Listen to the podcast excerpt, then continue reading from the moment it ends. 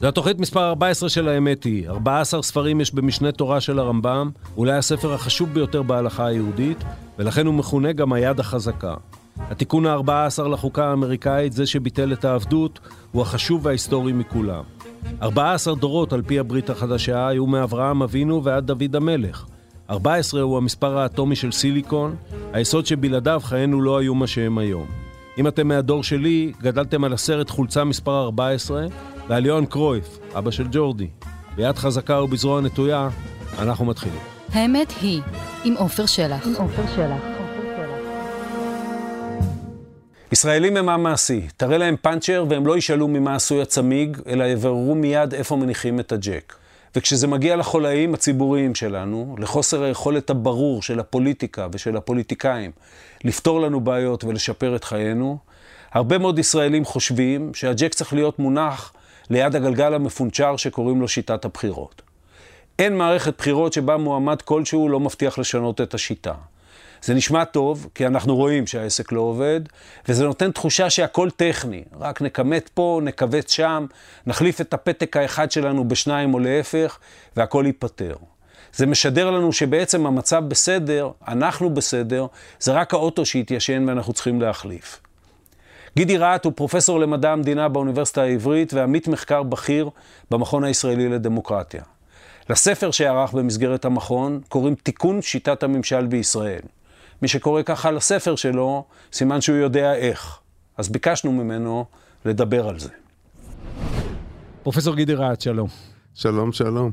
אה, התכנסנו לדבר על אה, שיטת הממשל ושיטת הבחירות, אבל אני אתחיל אה, מגבוה ואני אשאל אותך, האם פתרון טכני כזה או אחר הוא אכן הפתרון לבעיותינו? תראה, אני מאז ומעולם עוסק במוסדות פוליטיים. ויש שתי דרכים בעצם בגדול לפתור בעיות פוליטיות. אחת זה לשנות את מה שקוראים התרבות הפוליטית, התפיסות שלנו, העמדות שלנו, וזה עניין של חינוך.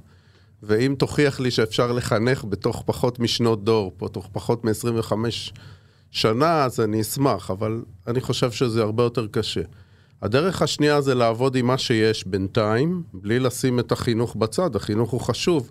וליצור מוסדות שייצרו תמריצים להתנהגויות שונות. מוסדות אה, שונים, התפיסה היא שמוסדות שונים נותנים אה, תמריצים שונים. יש, יש אה, שיטות בחירות מסוימות או שיטות ממשל מסוימות שמתגמלות התנהגות כזאת ו, ו, ומענישות על התנהגות אחרת, ויש אה, שיטות אחרות. אז כל הרעיון זה ליצור איזושהי מערכת של חוקים, איזושהי מערכת של תמריצים, שיעבדו עם מה שיש.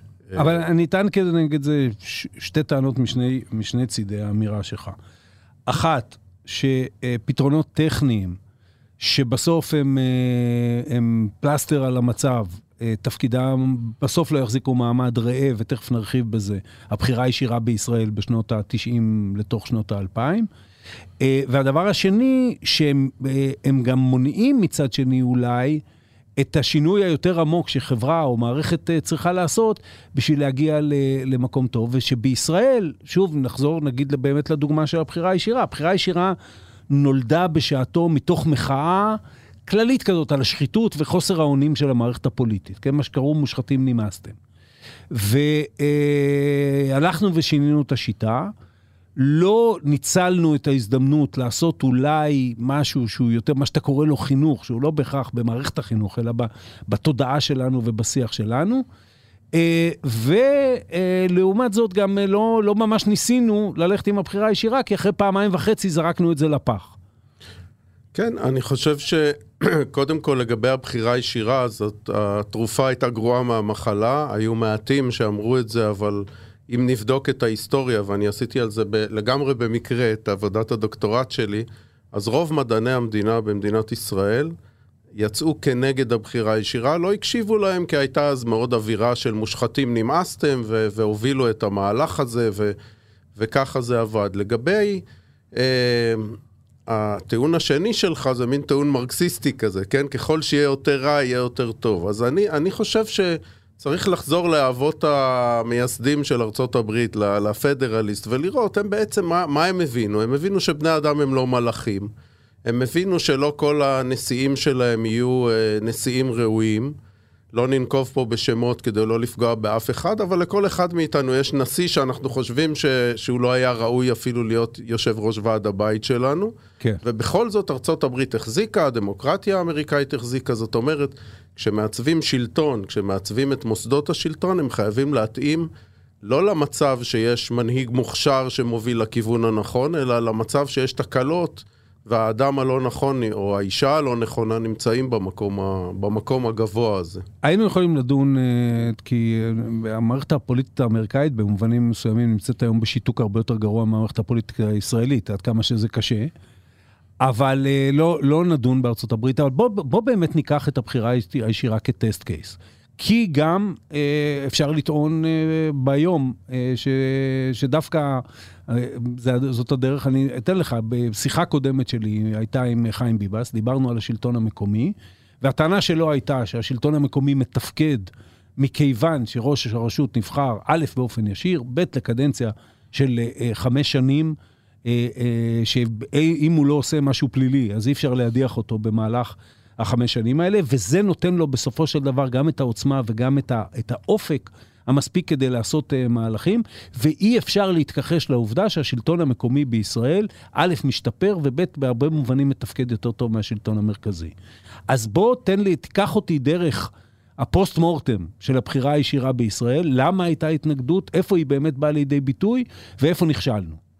אז קודם כל לגבי הבחירה הישירה, הבחירה הישירה נכשלה כישלון חרוץ, משום שהיא uh, הייתה בנויה על, uh, על כך שאנחנו מגיעים ביום הבחירות לקלפי, יש לנו בחירה ישירה לראש ממשלה ויש לנו פתק שני למפלגה, ואזרחי ישראל, לדעתי גם רוב בני האדם, כשנותנים להם שני פתקים וכאשר יש להם מערכת רב-מפלגתית, הדבר האחרון שהם יעשו זה הם יצביעו ל... ראש ממשלה ולמפלגתו, משום שראש הממשלה שרץ בדינמיקה של אה, מרוץ זוגי ומנסה לטשטש את עצמו, ואז יש פרס שלום וביטחון ונתניהו ביטחון ושלום, זאת אומרת הם מנסים לטשטש את עצמם והולכים לאמצע, ואז האזרח מצביע לאחד מהם, כי זה האופציות שיש, ובפתק השני הוא לא הולך ומצביע למפלגת העבודה או לליכוד, אלא שם הוא מחפש להגיד משהו, ואגב, מה שנאמר שם זה דברים זהותיים. אם בודקים את התוצאות של בחירות 99, זה היו בחירות שבהן לראשונה ולאחרונה במדינת ישראל המפלגות הסקטוריאליות, אלה שמזוהות עם קבוצות חברתיות ספציפיות, היו יותר מנדטים מלשתי המפלגות הגדולות. זו שאלה של הגדרת המפלגות הסקטוריאליות, כי אתה יכול, אה, אני יודע מה, מפלגה כמו, אה, שאלת השאלה, מפלגה כמו יש עתיד, היא לא גם אה, לצורך העניין מפלגה סקטוריאלית, אבל אני אגיד לך את זה ככה. הייתה הכרעה, ונשווה את זה למערכות הבחירות האינסופיות של 19-20, הייתה הכרעה לגבי זהותו של ראש הממשלה, אי לכך, אה, אה, כמות המנדטים שהייתה למפלגתו, אגב, אה, מפלגת העבודה, ב, אה, או ישראל אחת, כמו שקראו לזה בראשות אהוד ברק, אם אני לא טועה, זה 26 מנדטים. זה יותר ממה שהיה למפלגת העבודה, כל המערכות הבחירות האחרות, אז אתה יכול להגיד שזה אפילו לא הזיק להם. וברגע שהייתה הכרעה, נמנענו למשל מהתמונה שאנחנו רואים פעם אחרי פעם במערכות הבחירות האחרונות, שבהם הפיצול הוא כזה, וה, והפוליטיקה הזהותית היא כזאת, שפשוט אי אפשר להרכיב ממשלה. אפשר לטעון שהמטרה הראשונה של מערכת בחירות היא להרכיב ממשלה, לא? קודם כל, מערכת בחירות בדמוקרטיות פרלמנטריות, שאגב, כל המחקרים אה, מראים שהן יותר יציבות ויותר עמידות ללחצים אה, אנטי-דמוקרטיים, היא, אה, בניגוד למה שאנחנו חושבים, אנחנו בוחרים בכנסת, הכנסת אמורה לבחור בממשלה. עכשיו, אחד הדברים שאמרת, בעצם הסיפור של הבחירה הישירה, לכאורה הוא נותן הכרעה. אז זה נכון שהבחירה הישירה נתנה הכרעה, אבל אם מסתכלים אחרי זה, אחרי ההכרעה הזאתי, יצרנו שני מוקדי כוח שהתמודדו ביניהם ולא הייתה אה, משילות, וזאת הייתה הבעיה. אחת ההצעות שהעלינו במכון זה בעצם, לא נעים להגיד כי המכון הישראלי לדמוקרטיה הוא אנטי בחירה ישירה, אבל למעשה, הרעיון הבסיסי שבמכון מנסים להריץ כבר שנים זה בחירה ישירה בפתק אחד. כי מה אנחנו... המפלגה הגדולה. כן, אנחנו אומרים לאזרחים, תקשיבו טוב, אתם מצביעים ביום הבחירות לכנסת, אבל המפלגה הגדולה או הרשימה הגדולה, זה יכול להיות ברית של מפלגות, היא מקבלת את הזכות להקים ממשלה. אין הצבעת אמון בכנסת. גידי, שנייה, אנחנו, אנחנו נגיע, אחר כך אני ממש אעבור איתך שיטה-שיטה והצעה-הצעה. אבל אני עוד בשלב השאלות הפרלימינריות, ואני אשאל שאלה אחרת, אה, שאולי תישמע משונה. למה משילות, או מה שישראלים קוראים משילות, שאפשר לדון על זה, זו דווקא מטרה, ואני אתן לך את זה ממקום שאני מכיר על בשרי. הכנסת זה אחד הפרלמנטים החלשים בעולם. אה, למה? מפני שבישראל, להבדיל ממדינות אחרות, הזרוע המבצעת למעשה שולטת לחלוטין בזכות המבנה הקואליציוני, והמשמעת הקואליציונית שולטת לחלוטין בזרוע המחוקקת. ביום ראשון מתכנסת ועדת שרים לחקיקה, אה, אני מניח שאתה מכיר איך זה נראה, יש בערך, אם, אם ניקח שעתיים דיון, זה 120 דקות, 40 הצעות חוק, 3 דקות להצעת חוק, ובזאת נחרץ גורלה של הצעת חוק מהחל ועד כלה. זאת אומרת, רובן נדחות על הסף, ואחרות יש עליהן משמעת קואליציונית עד שנייה ושלישית. זאת אומרת, חבר הכנסת לצורך העניין הוא לא יותר מאצבע מכנית. יכול להיות שהמצב הרצוי הוא ממשלה עם ראש ממשלה שיש לו מעמד חזק, וממשלה שיש לה מעמד חזק, ומולה אפילו כנסת לעומתית. אני חושב שאני מסכים איתך לגמרי, שממשל טוב זה ממשל שכל הזרועות שלו חזקות ומאזנות אחת את השנייה. אה, ואני מסכים גם שהכנסת שלנו היא מאוד חלשה, וגם מסיבות אה, של איך שהיא עומדת מול הממשלה, אבל בעיקר מסיבות עצמיות. היא לפעמים, אני חושב, איך שזה נראה זה פול גז בניוטרל, כי כנסת uh, שלנו משקיעה המון במה שהזכרת בהצעות חוק, אבל בקטע של uh, בקרה על הרשות המבצעת, היא לא משקיעה, גם בגלל שחברי הכנסת לא מתוגמלים על זה, אבל גם בגלל שאין להם את הכלים.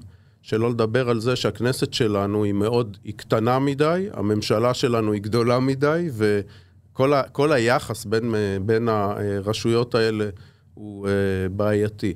אז אני מסכים איתך. עכשיו, משילות בעיניי, בניגוד למה שחושבים, זה לא שראש הממשלה קם בבוקר, מחליט לעשות משהו וזה נעשה בערב. זה לא, זה לא ראוי שיקרה בדמוקרטיות. בדמוקרטיות המשילות היא תוצר של מאבק בין רשויות, שכל אחת עושה את מה שהיא מופקדת עליו. זאת אומרת, יש את הרשות המבצעת, והכנסת, אגב, בניגוד למה שחושבים, התפקיד המרכזי שלה הוא לא הרשות המחוקקת, אלא הרשות המבקרת, הכנסת אמורה להיות זאת שתבקר את הממשלה, אגב, ולא רק על מה שהממשלה יוזמת ולבלום אותה. נניח שממשלת ישראל החליטה החלטה נאצלת, כן? שהיא מקימה עשרה מקלטים לנשים מוכות. אז הכנסת אחראית לראות שהעשרה מקלטים האלה קמו. אוקיי, לא להציע הצעות חוק ולא כלום, לראות שהממשלה יישמה את המדיניות הזאת.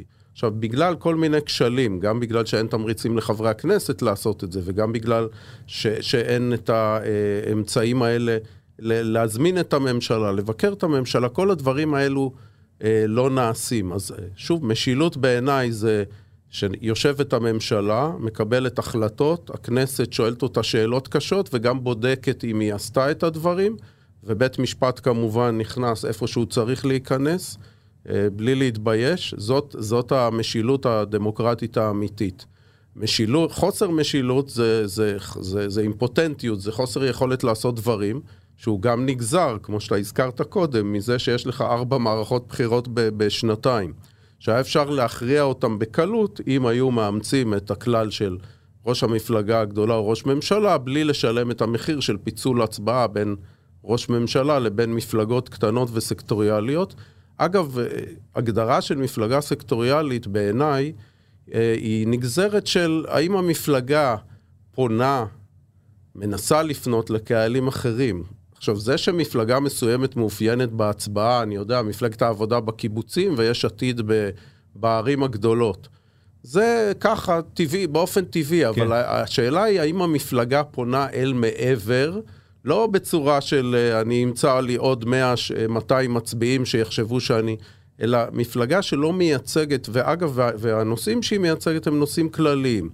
וכך אפשר להבחין למשל בין חד"ש, שבעיניי מפלגה כללית, לבין uh, מפלגות כמו uh, בל"ד ותע"ל, שבפר... או רע"מ, שפונות בפירוש לאוכ... לאוכלוסייה הערבית, אז עוד, למשל. עוד. בשלב השאלות הפרלימינריות, נגיד שעוד תפקיד של הכנסת, uh, של בית המחוקקים, הוא לייצג באמת את הציבור הישראלי. ואנחנו חיים במדינה שיש בה uh, שליש ששייך, של האזרחים, ששייך לשני סקטורים מאוד גדולים. כן, הערבים באזור 20, קצת יותר אחוז, והחרדים, תלוי איך סופרים, 12, 15 אחוז, אה, גם אם אנחנו כאילו מתרגמים את הייצוג בכנסת, למרות שאחוז ההצבעה אצלם הם גדולים, אבל אה, סדר גודל כזה. וכמובן גם חלוקות אחרות. גם כלכליות, גם בנושאים מדיניים וכן הלאה והלאה, שצריכים לבוא לידי ביטוי בכנסת. זאת אומרת, האם אתה לא תיצור מצב שבו כמו אם אנחנו לוקחים לדוגמה את השיטה האמריקאית, בסוף אתה מייצא או מייבא את, ה, את המחלוקות האלה אל תוך גוף שפורמלית נקרא מפלגה אחת. אבל בסופו של דבר, המפלגה הרפובליקאית או המפלגה הדמוקרטית היום, הן לא יותר אה, אחידות ולא יותר מסוגלות לפעול ביחד מאשר הכנסת בישראל. טוב, האמת שזו שאלה טובה, כי הרי בסופו של דבר, מה, מהי פוליטיקה ומהי פוליטיקה דמוקרטית? היא בעצם אגרגציה, צירוף של אינטרסים. ואז פשוט נשאלת השאלה האם האגרגציה הזאת נעשית ברובה בבית המחוקקים או בממשלה אפילו, מה שאגב נעשה היום בממשלת השינוי הזאת עם כל מה שיושב שם, או שחלק מהאגרגציה הזאת נעשית ברמה של המפלגות. וזה עניין של חלוקה, זה עניין של איזון. אז אם אתה שואל אותי, החלום שלי הוא לגמרי לא הממשל האמריקאי של שתי המפלגות הגדולות האלה, שבסופו של דבר, בקצה הן מייצגות בסך הכל אה, אליטה אחת שהיא יותר אה, פרוגרסיבית, ואליטה שנייה שהיא אה, נוטה לכיוונים אחרים, עם כמובן טוויסטים לפעמים אצל טראמפ או דברים כאלו, או שאני מעדיף שיהיו קצת, יהיה קצת יותר גיוון, אבל הרי אנחנו לקחנו את זה לקצה אחר, זאת אומרת, כשאנחנו בודקים את מספר המפלגות בישראל, אגב, לא את מספר המפלגות הנומינלי, גם בפרלמנט הבריטי יש מעל עשר מפלגות, אבל רובם זה של חבר אה, פרלמנט אחד, שניים, חמישה. כשאנחנו בודקים אה, מה שקוראים המספר האפקטיבי, את הפיזור של, ה, אה, של העוצמה, אה, אה, הייצוג בין מפלגות, אין לי ספק שהגזמנו. איך אני יודע שהגזמנו? לא בגלל שאני, בגלל שאני משווה למדינות אחרות, שהן גם מדינות עם, שיש בהן הרבה מפלגות. יש לנו איזה, יש פה איזושהי קיצוניות. אז כל מה שצריך פה, עם, עם, עם, בעניינים של fine-tuning, זה איכשהו ללחוץ לכיוון של אה, יצירה של איזושהי אה, אה, מסגרת מפלגתית, או אפילו בריתות מפלגתיות יותר גדולות, שחלק מהמחלוקות ייפתרו כבר בהן. ש... זאת אומרת, אין אוקיי, פה אז, איזה... אז איתנה טוען שזה מתקיים גם היום בתפיסת הגושים. ואני אתן לך אה, אה, שתי ממשלות, אה, או, או, או, כרגע ממשלה אחת, כי הנקודה השנייה אני אתן אותה אחר כך. ממשלת נתניהו ב-2015, כן? ממשלה אה, קוהרנטית. בסופו של דבר, הגורם המרכזי בה, לצורך העניין, זה משה כחלון, שהוא, הוא, זה, זה בכלל מקרה, ו, ואנחנו רואים יותר ויותר של מפלגות שמרוכזות אה, סביב אדם. אבל בסופו של דבר, בלי הרבה ויכוחים, יציבה, עם יכולת פעולה, גם כשהיא הייתה ב-61 וגם כשהיא אחר כך הייתה ב-66-67. ו, אה, וגם ארוכת ימים, כן? ממשלה שהחזיקה יותר מארבע שנים. זאת אומרת שלא, לאו דווקא השיטה מביאה לדבר הזה, אלא יותר החלטות אינדיבידואליות של אנשים כאלה ואחרים. ובאמת, מה שאנחנו רואים, בעיקר בשנים האחרונות, סביב החור השחור הזה של סוגיית נתניהו, שאנחנו כבר מתקשים להסתכל ולהיזכר מה היה לפניו, וזה שכל המערכת הפוליטית נחלקת סביב השאלה אם תשב עם איזשהו בן אדם או לא. ברגע שלנתניהו, ב-12 שנות שלטונו, בשנים הראשונות, הייתה אלטרנטיבה לשבת עם מפלגת העבודה, או לשבת עם יש עתיד, או לשבת עם, עם אה, אה, כולנו, בסופו של דבר נוצרו ממשלות מתפקדות. כן, אז uh, אני יכול לתת לך uh, שני הסברים שאפשר לתת אותם כמובן רק בדיעבד, כי מי חזה שיהיו לנו ארבע מערכות בחירות? זה לא קרה כן. באף uh, מדינה שאני מכיר שבשנתיים היו. הסבר אחד זה קשור לחוקי המשילות, שאגב גם אתה היית שם כשהעבירו אותם, וזה האי אמון קונסטרוקטיבית. כן. בוא, בוא נזכור שב-2014 אימצו בישראל בעצם כלל שהוא כלל יותר חזק מכל המדינות שיש בהן את המנגנון הזה, שאי אפשר להפיל ממשלה, אפשר להפיל תמיד בבחירות, אבל אי אפשר להחליף ממשלה בלי שתהיה ממשלה חליפית, שאגב בעיניי זה היה צעד נבון מאוד. אבל הוא יצר את הדבר הבא. קודם כל, הוא לדעתי עומד ביסוד היציבות וההצלחה, בלי קשר למדיניות, היציבות של ממשלת נתניהו 2015-2019, עומד הסיפור הזה של אי האמון הקונסטרוקטיבי. פעם היית יכול, ב, ב, הייתה שם קואליציה של 61 חלק מהזמן, אבל מה, מה יכול לעשות ה-61? הוא לא יכול להגיד שהוא ילך עם הצד השני, הוא לא יכול להגיד שאני אני אפיל, זאת אומרת, המרחב שלו צומצם. אבל האי אמון קונסטרוקטיבי הזה יצר גם את אותו מצב שאי אפשר היה להקים ממשלה אחרי זה, כי למשל ליברמן ב-2019 היה יכול ללכת עם נתניהו ולהגיד לו, תשמע, אם תוך כמה חודשים אתה לא עושה א', ב', ג', אני עוזב אותך. ואז נתניהו אומר, יאללה, ואז, ואז, אבל ליברמן ידע שיש אי אמון קונסטרוקטיבי, והוא ידע שברגע שהוא ייתן לנתניהו את הממשלה, הוא לא יוכל להפיל אותו יותר. אז אני מאמין שהמנגנון האי אמון קונסטרוקטיבי, בסופו של דבר, הוא גם זה שיצר את ה... אה, אני, תרשה לי לחלוק עליך, כי במקרה גם הייתי שם. אף אחד לא יודע בדיוק למה אביגדור ליברמן החליט אחרי בחירות 19א אה, לא להצטרף לממשלתו של נתניהו. אני אומר לך מידיעה אישית, אנחנו פיזרנו את הכנסת ב-12 בלילה. ב-11 בלילה, 119 חברי כנסת, כולל כל חברי סיעתו של ליברמן, למעט הוא עצמו, היו משוכנעים שעד 12 תהיה הסכמה. אגב, גם ו... אני הייתי משוכנע. אז, אז אני אומר לך, כיוונת לדעת גדולים וכולנו טעינו. והדבר, ולענייננו, מאוד קשה להשליך מסקנות מרחיקות לכת מבאמת אה, סיטואציה פרסונלית אה, אה, אה, יוצאת דופן שמעיבה על, על חיינו גם כרגע. כן, אז פה, פה אתה מתחבר לנושא השני, שזה נושא המחקר שלי כבר, התחלנו עם זה ב-2004, תמיר שפר ואנוכי, והיום אני עושה על זה קילומטראז' יפה, כי זה אז כבר זיהינו את הסיפור הזה של הפרסונליזציה של הפוליטיקה. הסיפור שהפוליטיקה הופכת ליותר ויותר אישית, ולפחות ופחות מפלגתית, שהדברים מוכרעים באמת, כמו שאתה אומר, הרי...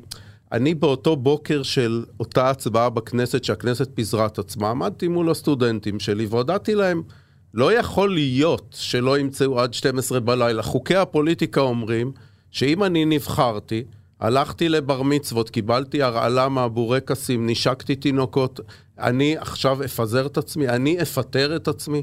זאת אומרת, זה לא כדרך הטבע, וכבר חווינו שלוש, שלוש פעמים בעצם. שהפוליטיקאים עשו את הדברים הכי לא הגיוניים. זאת אומרת, הרי כל, כל ההנחה של, של מדען מדינה, ואגב, גם של פוליטיקאי ושל פרשן פוליטי, זה שהפוליטיקאים, ברגע שהם נבחרו, הם רוצים לכהן. זאת אומרת, אני לא, אני לא יכול לחשוב על משהו אחר. זה, זה כמו ש, שאתה תקום בבוקר ותפטר את עצמך מהעבודה שלך, זה פשוט כן.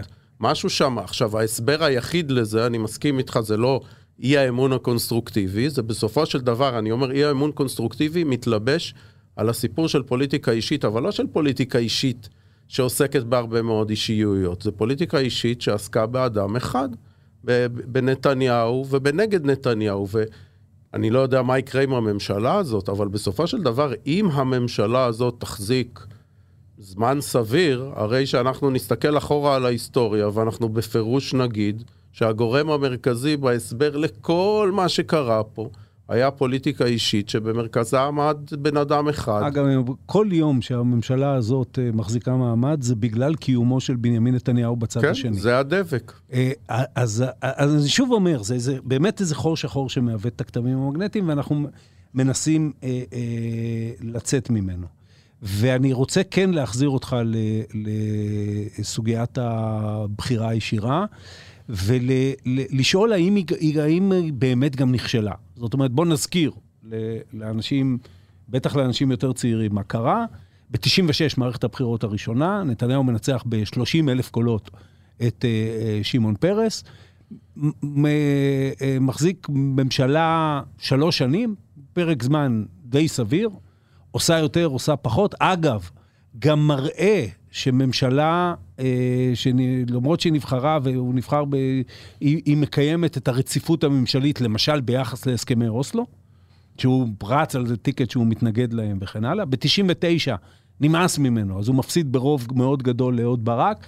אהוד ברק קריסת הממשלה שלו, זה, זה, אני לא חושב שהיא קרסה בגלל אה, שיטה כזו או אחרת, היא קרסה מפני שהוא לקח הימור, בלי להיכנס עכשיו לתוכן שלו, לקח הימור גדול והפסיד.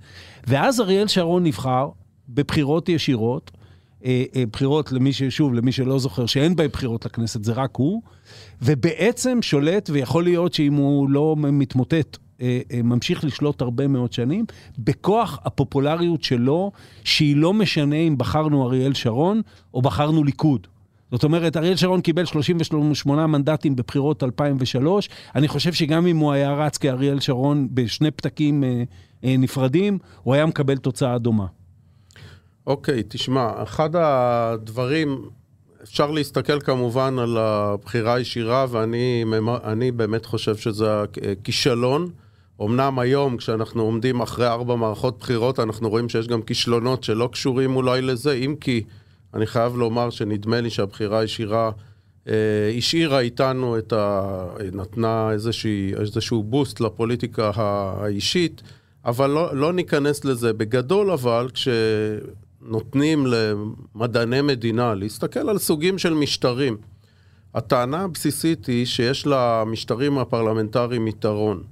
היתרון שלהם נובע מזה שהרשות המבצעת יוצאת מתוך הרשות המחוקקת. לא, אגב, כמו שכבר ציינת, הרשות המבצעת הרבה יותר חזקה מהמחוקקת, דווקא במשטרים פרלמנטריים. מה הבעיה במשטרים נשיאותיים? משטרים נשיאותיים, למעט זה האמריקאי, וגם אגב, אנחנו רואים שהאמריקאי זה לא... משטרים נשיאותיים זה משטרים בסיכון גבוה, משום שהרשות המבצעת, משטר דמוקרטי נשיאותי אמיתי, הוא במובן מסוים עוד יותר דמוקרטי מהפרלמנטרי. מה זאת אומרת? יש, יש רשות מבצעת ויש רשות מחוקקת, והאבות המייסדים שבאו ולא רצו שלטון בעצם, מה הם רצו? הם רצו מלך מוחלש שרוב הזמן יריב עם, ה, עם בתי המחוקקים ויעזוב אותם בשקט. כן. זאת הפילוסופיה. אגב, זאת פילוסופיה לא רעה.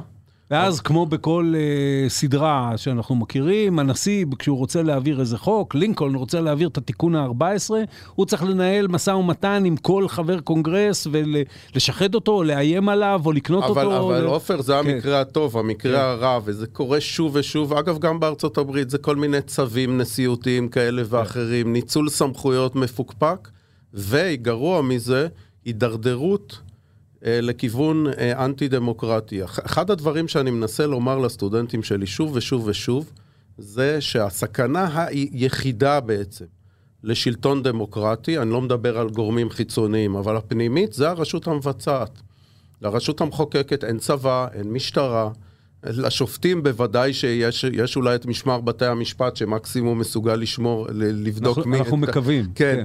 אז, אז זאת אומרת, הרשות המבצעת זאת מפלצת עם למעלה ממיליוני עובדים, עם, עם כוחות בלתי רגילים. זאת אומרת, כל הסיפור הזה של בית המשפט שלא מאפשר לנו לשלוט, ו, והכנסת שלא, ו, ו, ומה שעשו שם עם אה, שאשא ביטון, עם כל הכבוד, נו באמת. יש רשות מבצעת, היא זאתי שיש לה את כל הכלים, והרשויות האחרות אין להם. והבעיה במשטר נשיאותי זה שאתה בעצם ממסד אה, אה, קונפליקט. עכשיו, מיסוד הקונפליקט בארצות הברית פחות או יותר עבד בסדר, רוב הזמן, למעט אולי ב-1860, אפשר להתווכח האם זה נובע מה... אבל בארצות הברית, עכשיו, לא עולה לי בראש דוגמה אחרת למדינות נשיאותיות שהצליחו להחזיק לאורך זמן. תמיד יש את, ה, את הגלישה הזאת לכיוון של של אה, אה, או סמכויות חירום במקרה הטוב, וזה לא מקרה טוב, או שפשוט הדמוקרטיה אה, הולכת לאבדון. אפשר להסתכל על, על רוסיה כאיזשהו מודל למשהו שנע אולי לכיוון של דמוקרטיה, עלה פוטין, הוא בעצם נטרל את כל המוקדים האחרים, ולדעתי זה מה שכל משטר שיש בו בחירה ישירה, בוודאי נשיאותי, אבל בכלל עומד בסכנה הזאת. כי מה הוא קורה? עומד האיש שנבחר באופן ישיר על ידי הציבור, וזה לא הפופוליזם שעכשיו אנחנו רואים אותו גם במדינה כמו שלנו, שאני מייצג את העם. לא, יש לו אפילו, הוא אומר, הנה, אני קיבלתי רוב. אני yeah. כן. קיבלתי רוב. מי אתם חברי הכנסת שתגידו לי מה לעשות? הרי בדמוקרטיה, מי אתם חברי הכנסת? הם הנציגים שלנו. אז אני מעדיף משטר שבו יש אה, משטר פרלמנטרי שנבחרת בו הכנסת, ושבסופו של יום ראש הרשות המבצעת קצת יותר צנוע, צריך להיות אה, אה, בנוי על הרוב שיש לו בכנסת, ואגב, בסופו של דבר, אם מסתכלים לאורך זמן בדמוקרטיות, ראשי ממשלה במשטרים פרלמנטריים יש להם יותר כוח מאשר. לנשיאים. בוודאי, לכן, לכן בוא נדבר באמת, ונגענו בזה קודם, אבל בוא ניישר על, על שינוי פני הכנסת. אני מסכים לגמרי עם מה שאמרת, יותר מזה, אני אה, הצגתי תוכנית לשינוי פני הכנסת, אה, שגם, אה, אפילו כשהייתי חבר אופוזיציה, הבאתי אותה ליולי אדלשטיין, אה, לא הייתה שום כוונה, ובתוך זה דגש מאוד גדול באמת על נושא הפיקוח.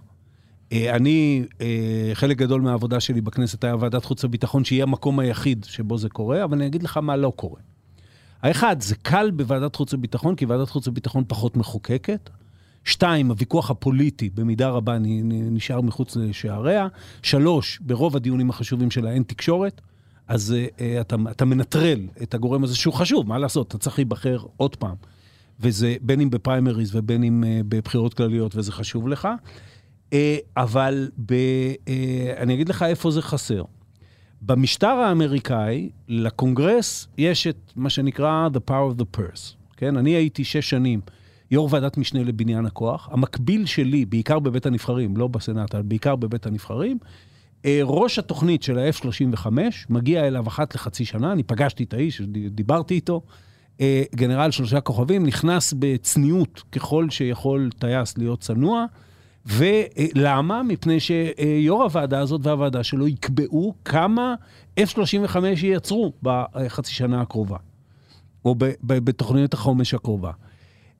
לכנסת, לכאורה יש את הכוח הזה. אז אני אומר לך שאפילו חברי כנסת לא מבינים, אה, הרבה מהם לא מבינים את מה שאני אומר עכשיו. הרי בסוף התקציב הוא חוק.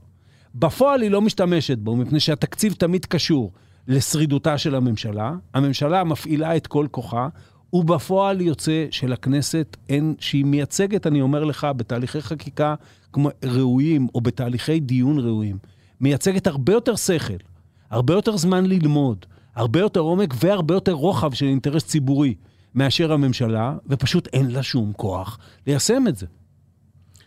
טוב, אה, פה אין לי אלא להסכים איתך, ואני יכול להגיד לך שלא רק בארצות הברית, אבל גם במשטרים פרלמנטריים, אה, גרמניה, אה, צפון אירופה, אמנם בצורה פחות דווקאית או צורה פחות פומבית, בתוך הוועדות נעשית עבודה מאוד מאוד רצינית. ואגב, אם אנחנו זוכרים שבסופו של יום, אה, עבודה כזאת היא רצינית, היא משרתת את האינטרס הציבורי של כולם, ואגב, גם בכנסת יש, יש אה, לא מעט, יש על זה גם מחקרים, היו לא מעט שיתופי פעולה בין אופוזיציה בוודאי, וקואליציה. בוודאי. זאת אומרת, אפשר היה למצוא את המקומות האלו. הבעיה היא כזאת, הבעיה היא קודם כל ש... אה, הכנסת במובן מסוים התמכרה לסיפור הזה של הצעות החוק הפרטיות. לא, זה מתסכול. אני אומר לך מידיעה, זה מתסכול. כן, ו- אחרת ו- אתה לא יכול להעלות נושא. זה, ב- ב- בסלנג של הכנסת הדבר הזה נקרא הצהרות חוק. כי כן, אתה, כן. אתה מעלה אותו בשביל להעלות נושא. אז, אז צריך אה, היה לחזק את הכלים לכיוון השני. עכשיו, אני חייב להגיד לך עוד דבר. אחד הדברים שאנחנו, לפעמים אני, אני מרגיש שוטה הכפר, אבל אני מוכן להיות שוטה הכפר, כי זה מה שאתה צריך. הכנסת שלנו, הגודל שלה הוא לא נורמלי.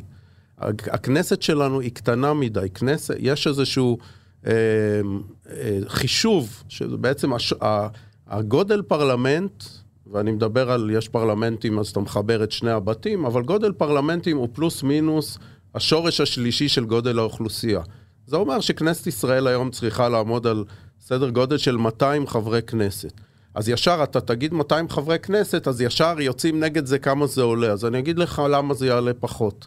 ברגע שיש לך כנסת של 200 אנשים, לא שווה לך יותר להחזיק ממשלות גדולות. כי אתה לא יכול לתגמל 100 חברי כנסת בתפקידים. זאת אומרת, הרעיון שאני מנסה כל הזמן לשכנע אנשים זה ברגע שתגדיל את הכנסת, הממשלה תקטן. ברגע שהממשלה תקטן, אז יהיו לנו לפחות אנשים שיוכלו לבצע את אותם תפקידי בקרה שאנחנו חולמים עליהם. אני אגיד לך יותר מזה, זה, וזה, כל מי ש... ואתה בטח מכיר את זה, כי כל מי שמכיר את המציאות של הכנסת יודע. אה, אה, בגלל גם שאין חוק נורבגי מלא, ולא יהיה, מפני שבשליטה של הזרוע המבצעת בזרוע המחוקקת חשוב לחלק גדול מהאנשים להיות בתוך הכנסת. אה, ובסיטואציה של אה, חלוקת הכוח והמיוריזציה המוחלטת של הקואליציה, אה, חבר קואליציה, והייתי גם בקואליציה וגם באופוזיציה, אין לו שום יכולת למלא את תפקידו אה, אה, כראוי, למשל בעבודת הוועדות. הוא חבר באיזה חמש ועדות, הוא רץ מאחת. מי שמחזיק את עבודת הוועדות בכנסת זה האופוזיציה. ואגב, זה נותן לכוח, אני אומר לך שכחבר אופוזיציה, השפעתי על חקיקה של חוקים בעבודה נכונה בתוך ועדה הרבה יותר מאשר כחבר קואליציה, כי גם לא הייתי מחויב להרים את היד למעלה או למטה. אבל אין ספק שזה מספר הרבה יותר קטן. אבל פה נכנס עוד אלמנט שהוא לא כך מענייננו, אבל הוא ברור, וזה הביזוי כמובן של המערכת הפוליטית. מפני שכל דבר, ברגע שהוא נתפס כג'ובים, וזה נתפס כבזבוז כסף, אז, אה, אז אתה לא יכול לעשות אותו. זה נכון, זאת אומרת, אני, אני מסתכל כל פעם שאנחנו, אתה יודע, אני או עמיתי במכון לדמוקרטיה מדברים על הגדלת הכנסת, ישר הכותרת הבאה זה יהיה כמה כסף זה יעלה לנו. וזה כל כך לא הנושא, כי אני חושב גם כן, הרי לפעמים אתה, כשאתה, כשאתה אפילו בחברה עסקית, אתה פותח אגף כדי לחסוך כסף. לפעמים, ופה אני חושב שאם חברי הכנסת יהיו יותר חברי כנסת שיעשו את עבודתם, אנחנו נחסוך המון כסף, זאת אומרת, כל תפקיד הפיקוח והבקרה. אבל עופר, הייתי רוצה לחזור לעניין של השלטון המקומי, העלית כן. אותו קודם והוא כן. מטריד אותי. כן. אתה אמרת בעצם שחיים ביבס סיפר לך איך הכל טוב בשלטון המקומי ו- וכולי, ואני חושב ש- שזו תפיסה מאוד מקובלת. אני פשוט לא מקבל אותה, אני אגיד לך למה. אני חושב שהתפיסה שה- הדומיננטית והמקובלת על הצלחת השלטון המקומי בישראל בנויה על הרשויות המקומיות החזקות. הרי ברור, גם אני כשאני נוסע לתל אביב, אני כולי נפעם, כן? כן. אבל צריך לזכור שתל אביב היא עיר עשירה, עם הכנסות יוצאות מהכלל, ויכול להיות, יכול להיות, אני לא יודע, שגם בשיטת שלטון אחרת, עם משאבים כאלה היא הייתה מצליחה. בלי, בלי לא... ל... עכשיו, יכול להיות גם ששיטת השלטון אה, של תל אביב ומודיעין, איפה שביבס מגיע, היא שיטה טובה, אבל תסתכל על המקומות האחרים. איפה שהבחירה הישירה הזאת מובילה ל... ל הבחירה הישירה של ראש הרשות פשוט מובילה ל, ל, לאיזושהי שחיתות כזאת ש, שצד אחד לוקח את כל המשאבים, ממנה את כל ה... זאת אומרת, יש, יש איזושהי פוליטיקה של פטרונאז' נוראית במקומות הכי עניים והכי מסכנים, הרשויות המקומיות שם לא מתפקדות כמו שצריך. אחד הדברים שאני מסתכל על השלטון המקומי בישראל בפליאה כמדען מדינה, זה אני אומר לעצמי, איך יכול להיות שבתל אביב, אום אל-פחם ושדרות, יש את אותה שיטת ממשל? זה פשוט לא הגיוני. לא הגיוני שאותה שיטת ממשל תעבוד במציאויות אחרות. שיטת ממשל דמוקרטית. עכשיו, אם אנחנו מסתכלים גם על, שיט... על הממשל המקומי בישראל, אז יופי, אז יש לנו דיקטטורים מקומיים. אם ראש הרשות הוא איש מוצלח, ישר והגון, אז הרשות תעבוד יופי, ואם לא, אז זה פשוט אסון, בגלל שאין אני, מועצה. אני לא רוצה, גידי, אני, ברשותך, אני לא רוצה להיכנס לזה, כי אה, אני חושב שדווקא ב... לקח זמן לשיטה להבשיל ברשויות המקומיות, אבל אתה ראית למשל איך בבחירות האחרונות, ב-2018, אה, ראשי רשויות מאוד ותיקים, שהיו בפטרונאז' כזה בדיוק כמו שאתה אומר, עפו. כן, אנשים שהיו 15 ו-30 ו-42 שנה בשלטון, ושהישראלי באופן מעניין, כשיש מולו משהו מעשי, כמו הניקיון של הרחוב על ידו, או מערכת החינוך של הילדים שלו, מעיז, הרבה יותר משהו מעיז במערכת הארצית, אבל אני רוצה אה, לרדת מזה וללכת למקום אחר. אוקיי. בחירות אזוריות, טוב לישראל, לא טוב לישראל? אוקיי, okay, אז אה, אם, אם ברשותך אני אתחיל. המאפיין של שיטת הבחירות בישראל יש לה שלושה מאפיינים. קודם כל זה בחירות יחסיות, זה לא מאפיין יוצא דופן. ברוב רובן של הדמוקרטיות הוותיקות, יש בחירות יחסיות ויש לזה היגיון, בחירות יחסיות נותנות ייצוג אה, לחלקים יותר גדולים באוכלוסייה, יש כמובן רמות שונות של יחסיות, ישראל אה, אולי רמה קצת גבוהה מדי, הייתה או עדיין, אבל על זה אין מה להתווכח. אבל יש שני מאפיינים יוצאי דופן שעליהם כדאי לדון. אחד זה העניין שהשיטה היא ארצית, כי אין כמעט דמוקרטיות עם שיטה ארצית. אפשר להגיד שהולנד יש בה שיטה ארצית, אם כי יש בה משהו כמו מחוזות, אבל עקרונית ארצית.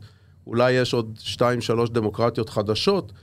רוסיה היא לא במקרה, אה, היא אומנם שיטה מעורבת, אבל האזור הוא ארצי, שזה באמת מגוחך כבר, אבל זה משרת פשוט את האינטרסים של מישהו. אין כמעט מדינות עם שיטה ארצית, על זה כדאי להתעכב, ופה כמובן עולה הסיפור האזורי.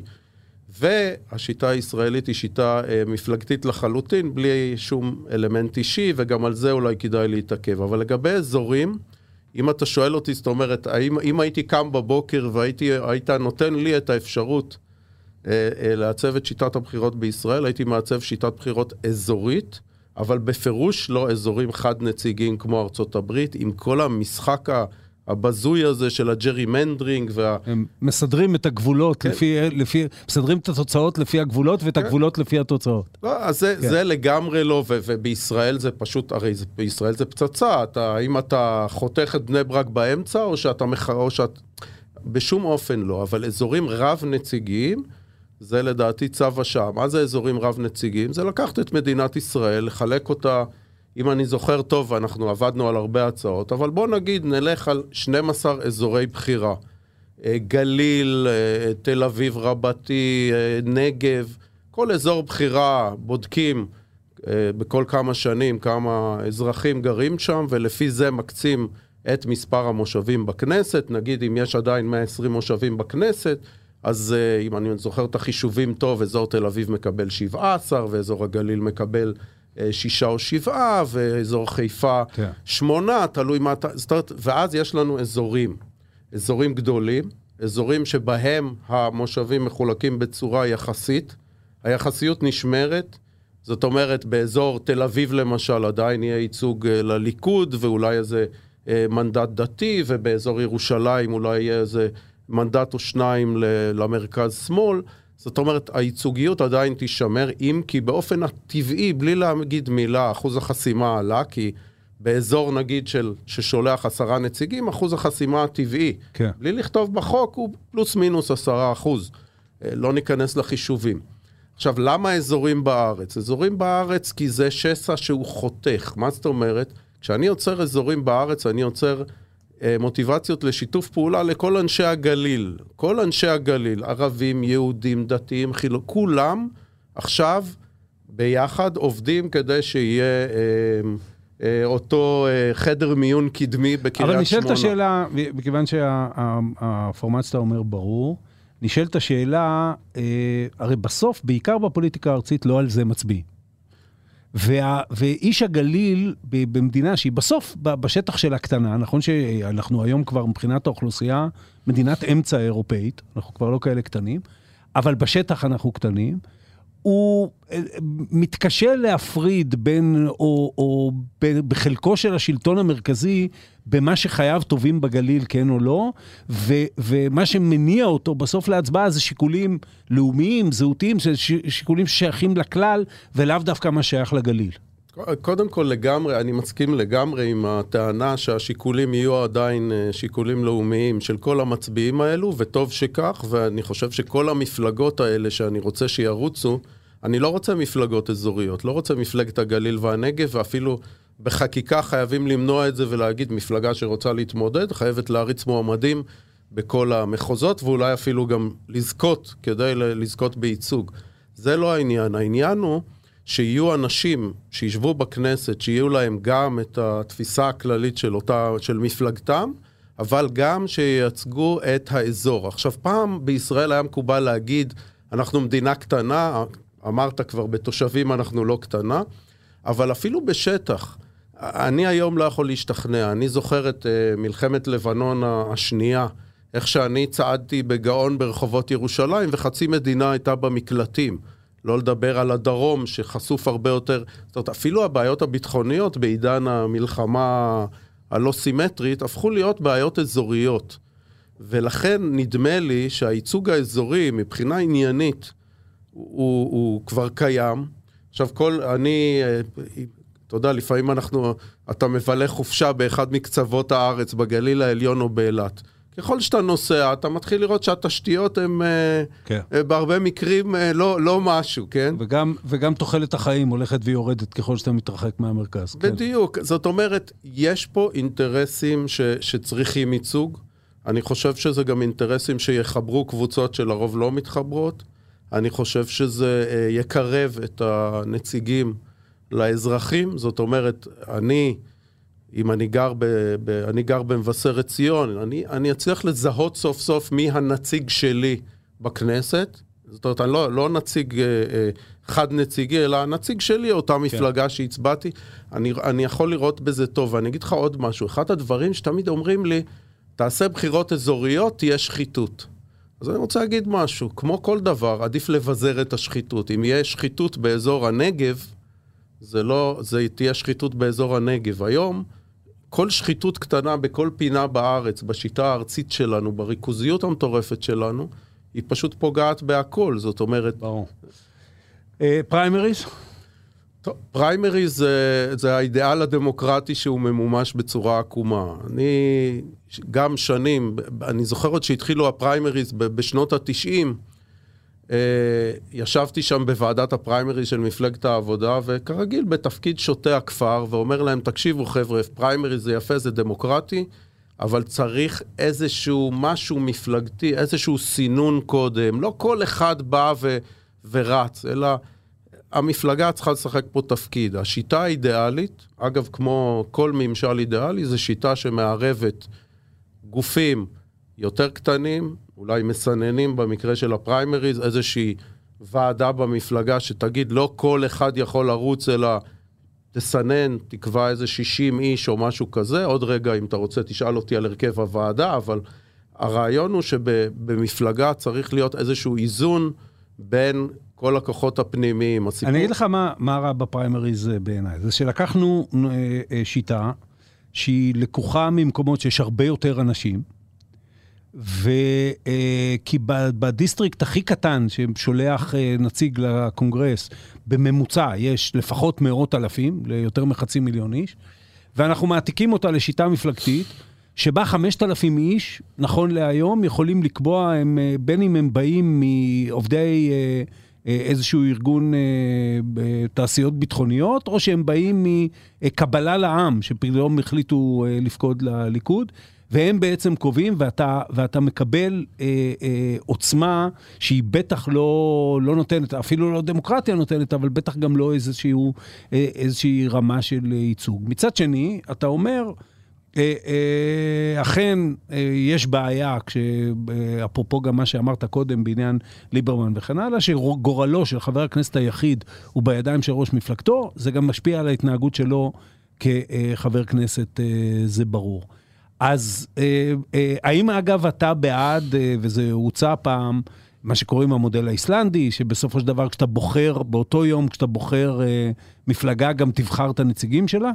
אוקיי, okay, טוב, אז בדברים האלה, יש, התפיסה שלי היא תפיסה של איזונים. זאת אומרת, אני, אני תמיד חושב על איך אפשר לערבב כל מיני כוחות בכל מיני מקומות. אז, אז כאשר מדובר בפנים המפלגה, הייתי מערב כל מיני גופים, למשל, אה, הייתי נותן למרכז לס, ל, להשפיע, ולחברים להשפיע, ולמנהיג אולי לשים וטו. הייתי עושה את זה. משהו מעורבב. כן, כן, כאשר התפיסה היא שכל שיטה יש לה את הפתולוגיות שלה, והשיטה האופטימלית מערבת כל מיני גופים. זה אגב, עוד פעם, אני חוזר, זו התפיסה של, של אבות החוקה האמריקאית ושל כל מיני, זאת אומרת, תפזר את העוצמה וככה, זה יהיה לא אידיאלי, אבל שיטה אופטימלית. לגבי שיטת הבחירות, אני חושב שביום הבחירות צריך לאפשר לאזרח אחד משניים. הוא, האזרח יבוא לקלפי, האזרחית באה לקלפי, רואה את הפתק המפלגתי. אגב, אני לא בעד שיפצלו את ההצבעה בין מפלגות, זה, זה לא, לא ייצור רק כאוס ובלאגן. אתה בא, אתה מצביע למפלגה. יש לך רשימה מפלגתית, כל רשימה הכינה רשימה, אה, מפלגה הכינה רשימה לפי שיטתה. במפלגה הזאת, אני מקווה, השיטות המעורבות שדיברתי עליהן, אני מקווה שהן יהיו, אבל כל מפלגה לפי שיטתה, ואתה תוכל אחד משניים, לשים את הפתק המפלגתי, ובזה אישרת בעצם את הסדר שקבעה המפלגה. שאגב, זה לא אומר שאתה לא השפעת, בגלל שהמפלגה כבר יודעת שאתה תבוא ותראה את הרשימה ואתה, והיא תרצה לתת לך משהו שתאשר אותה. ואני לדעתי, המפלגות למשל, מפלג, רוב המפלגות לא יעיזו למשל לא לשים מספיק נשים במקומות גבוהים, כי מישהו ידאג להזכיר את זה גם. זאת אומרת, תהיה פה איזושהי דינמיקה, או שאתה תוכל לסמן מספר מועמדים, ואם מועמד מסוים, מועמדת שנמצאת במקום נמוך, יקבלו מספיק קולות, הם יוקפצו למעלה. עכשיו, אני חייב לומר, יש את זה במדינות מסוימות, במקרה הקיצון שבקיצון, עם תנאים קלים, זה יוביל לשינוי של אולי עשרה אחוז בהרכב הכנסת. אני אגיד לך אבל איזה שינוי רע מאוד זה יעשה, וזה מהפרקטיקה של החיים הפוליטיים. אני מתנגד, אגב, לדבר הזה, כי במפלגות הפריימריז, מה שאתה רואה, זה שנלחמים אחד נגד השני עד שנקבעת הרשימה, ואז בזמן שנותר נלחמים ביחד. אה, זה אומר שתהיה מלחמה אחד נגד השני עד יום הבחירות. כי הפריימריז בעצם יימשכו בתוך המפלגה עד יום הבחירות. והיכולת לעצב מזה מערכת פוליטית מתפקדת היא מאוד נמוכה.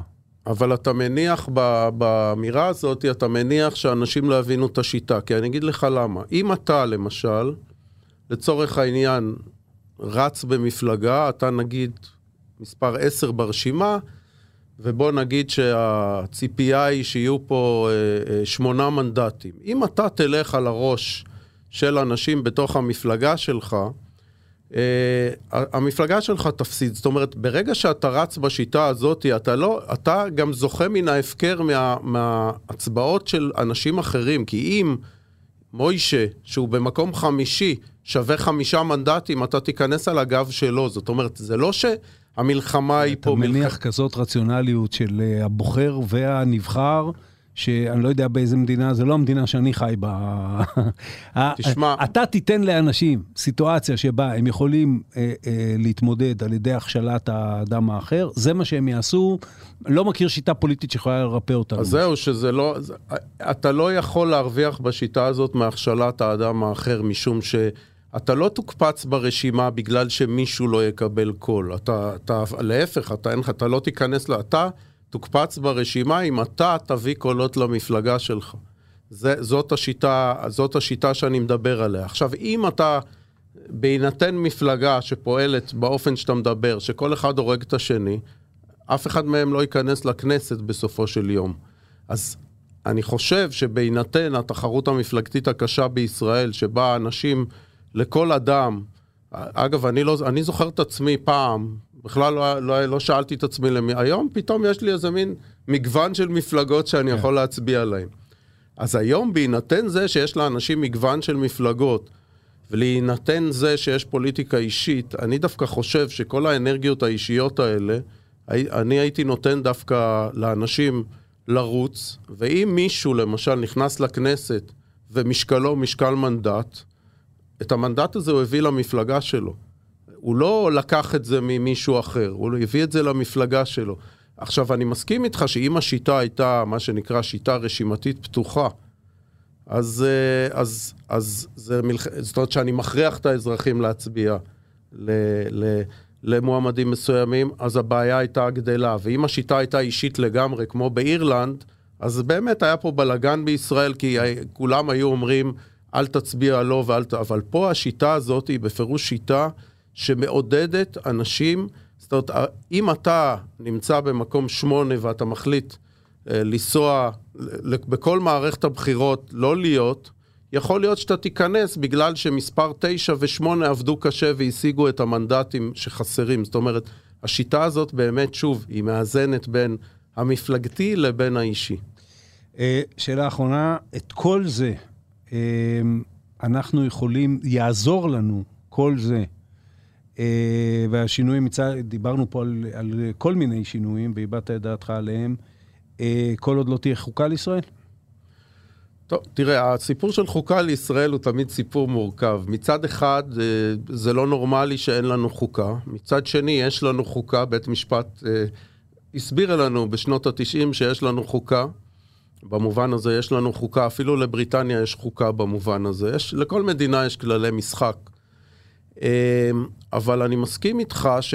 אגב, אנחנו יכולים להיות מחר בבוקר עם חוקה. כל מה שנותר לעשות זה לחוקק.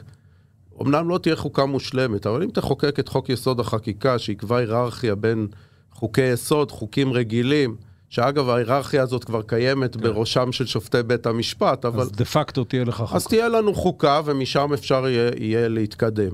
עכשיו, אחת הטענות נגד חוקה זה לפעמים, אתה, אוקיי, אתה רוצה חוקה, אבל תהיה חוקה שהיא לא תהיה, ל, ל, אתה יודע, לא תהיה לרוחך. אבל אני כבר חושב שבאמת כל מה שנותר כדי לאמץ חוקה זה חוק יסוד אה, חקיקה כזה, שיהיה צריך באמת לדון בו ברצינות ולדבר על נושאים כואבים כמו פסקת ההתגברות, שברור שתהיה איזושהי פשרה שם. עכשיו, האם, האם החוקה תפתור לנו? היא לא תפתור לנו בעצם שום בעיה, היא פשוט תפתור את העניין הזה שחדשות לבקרים, אנשים קמים פה בבוקר עם איזה רעיון שהם חושבים שישרת את האינטרס הפוליטי שלו, שלהם, ואגב, הרבה פעמים זה לא משרת אותם, אלא זה פוגע בהם. ואני חושב שזה טוב שיהיה לנו את הקיבוע הזה, אבל זה לא השינוי היחיד.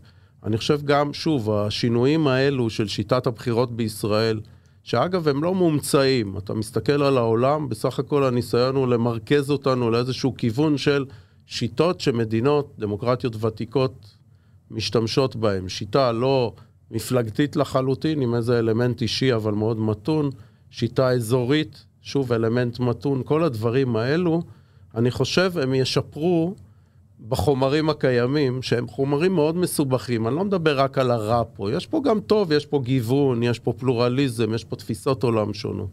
כדי להושיב את כל הדברים האלו ביחד, אני חושב ש, שהשינויים האלו הם, הם הכרחיים והם יהיו טובים לכולם.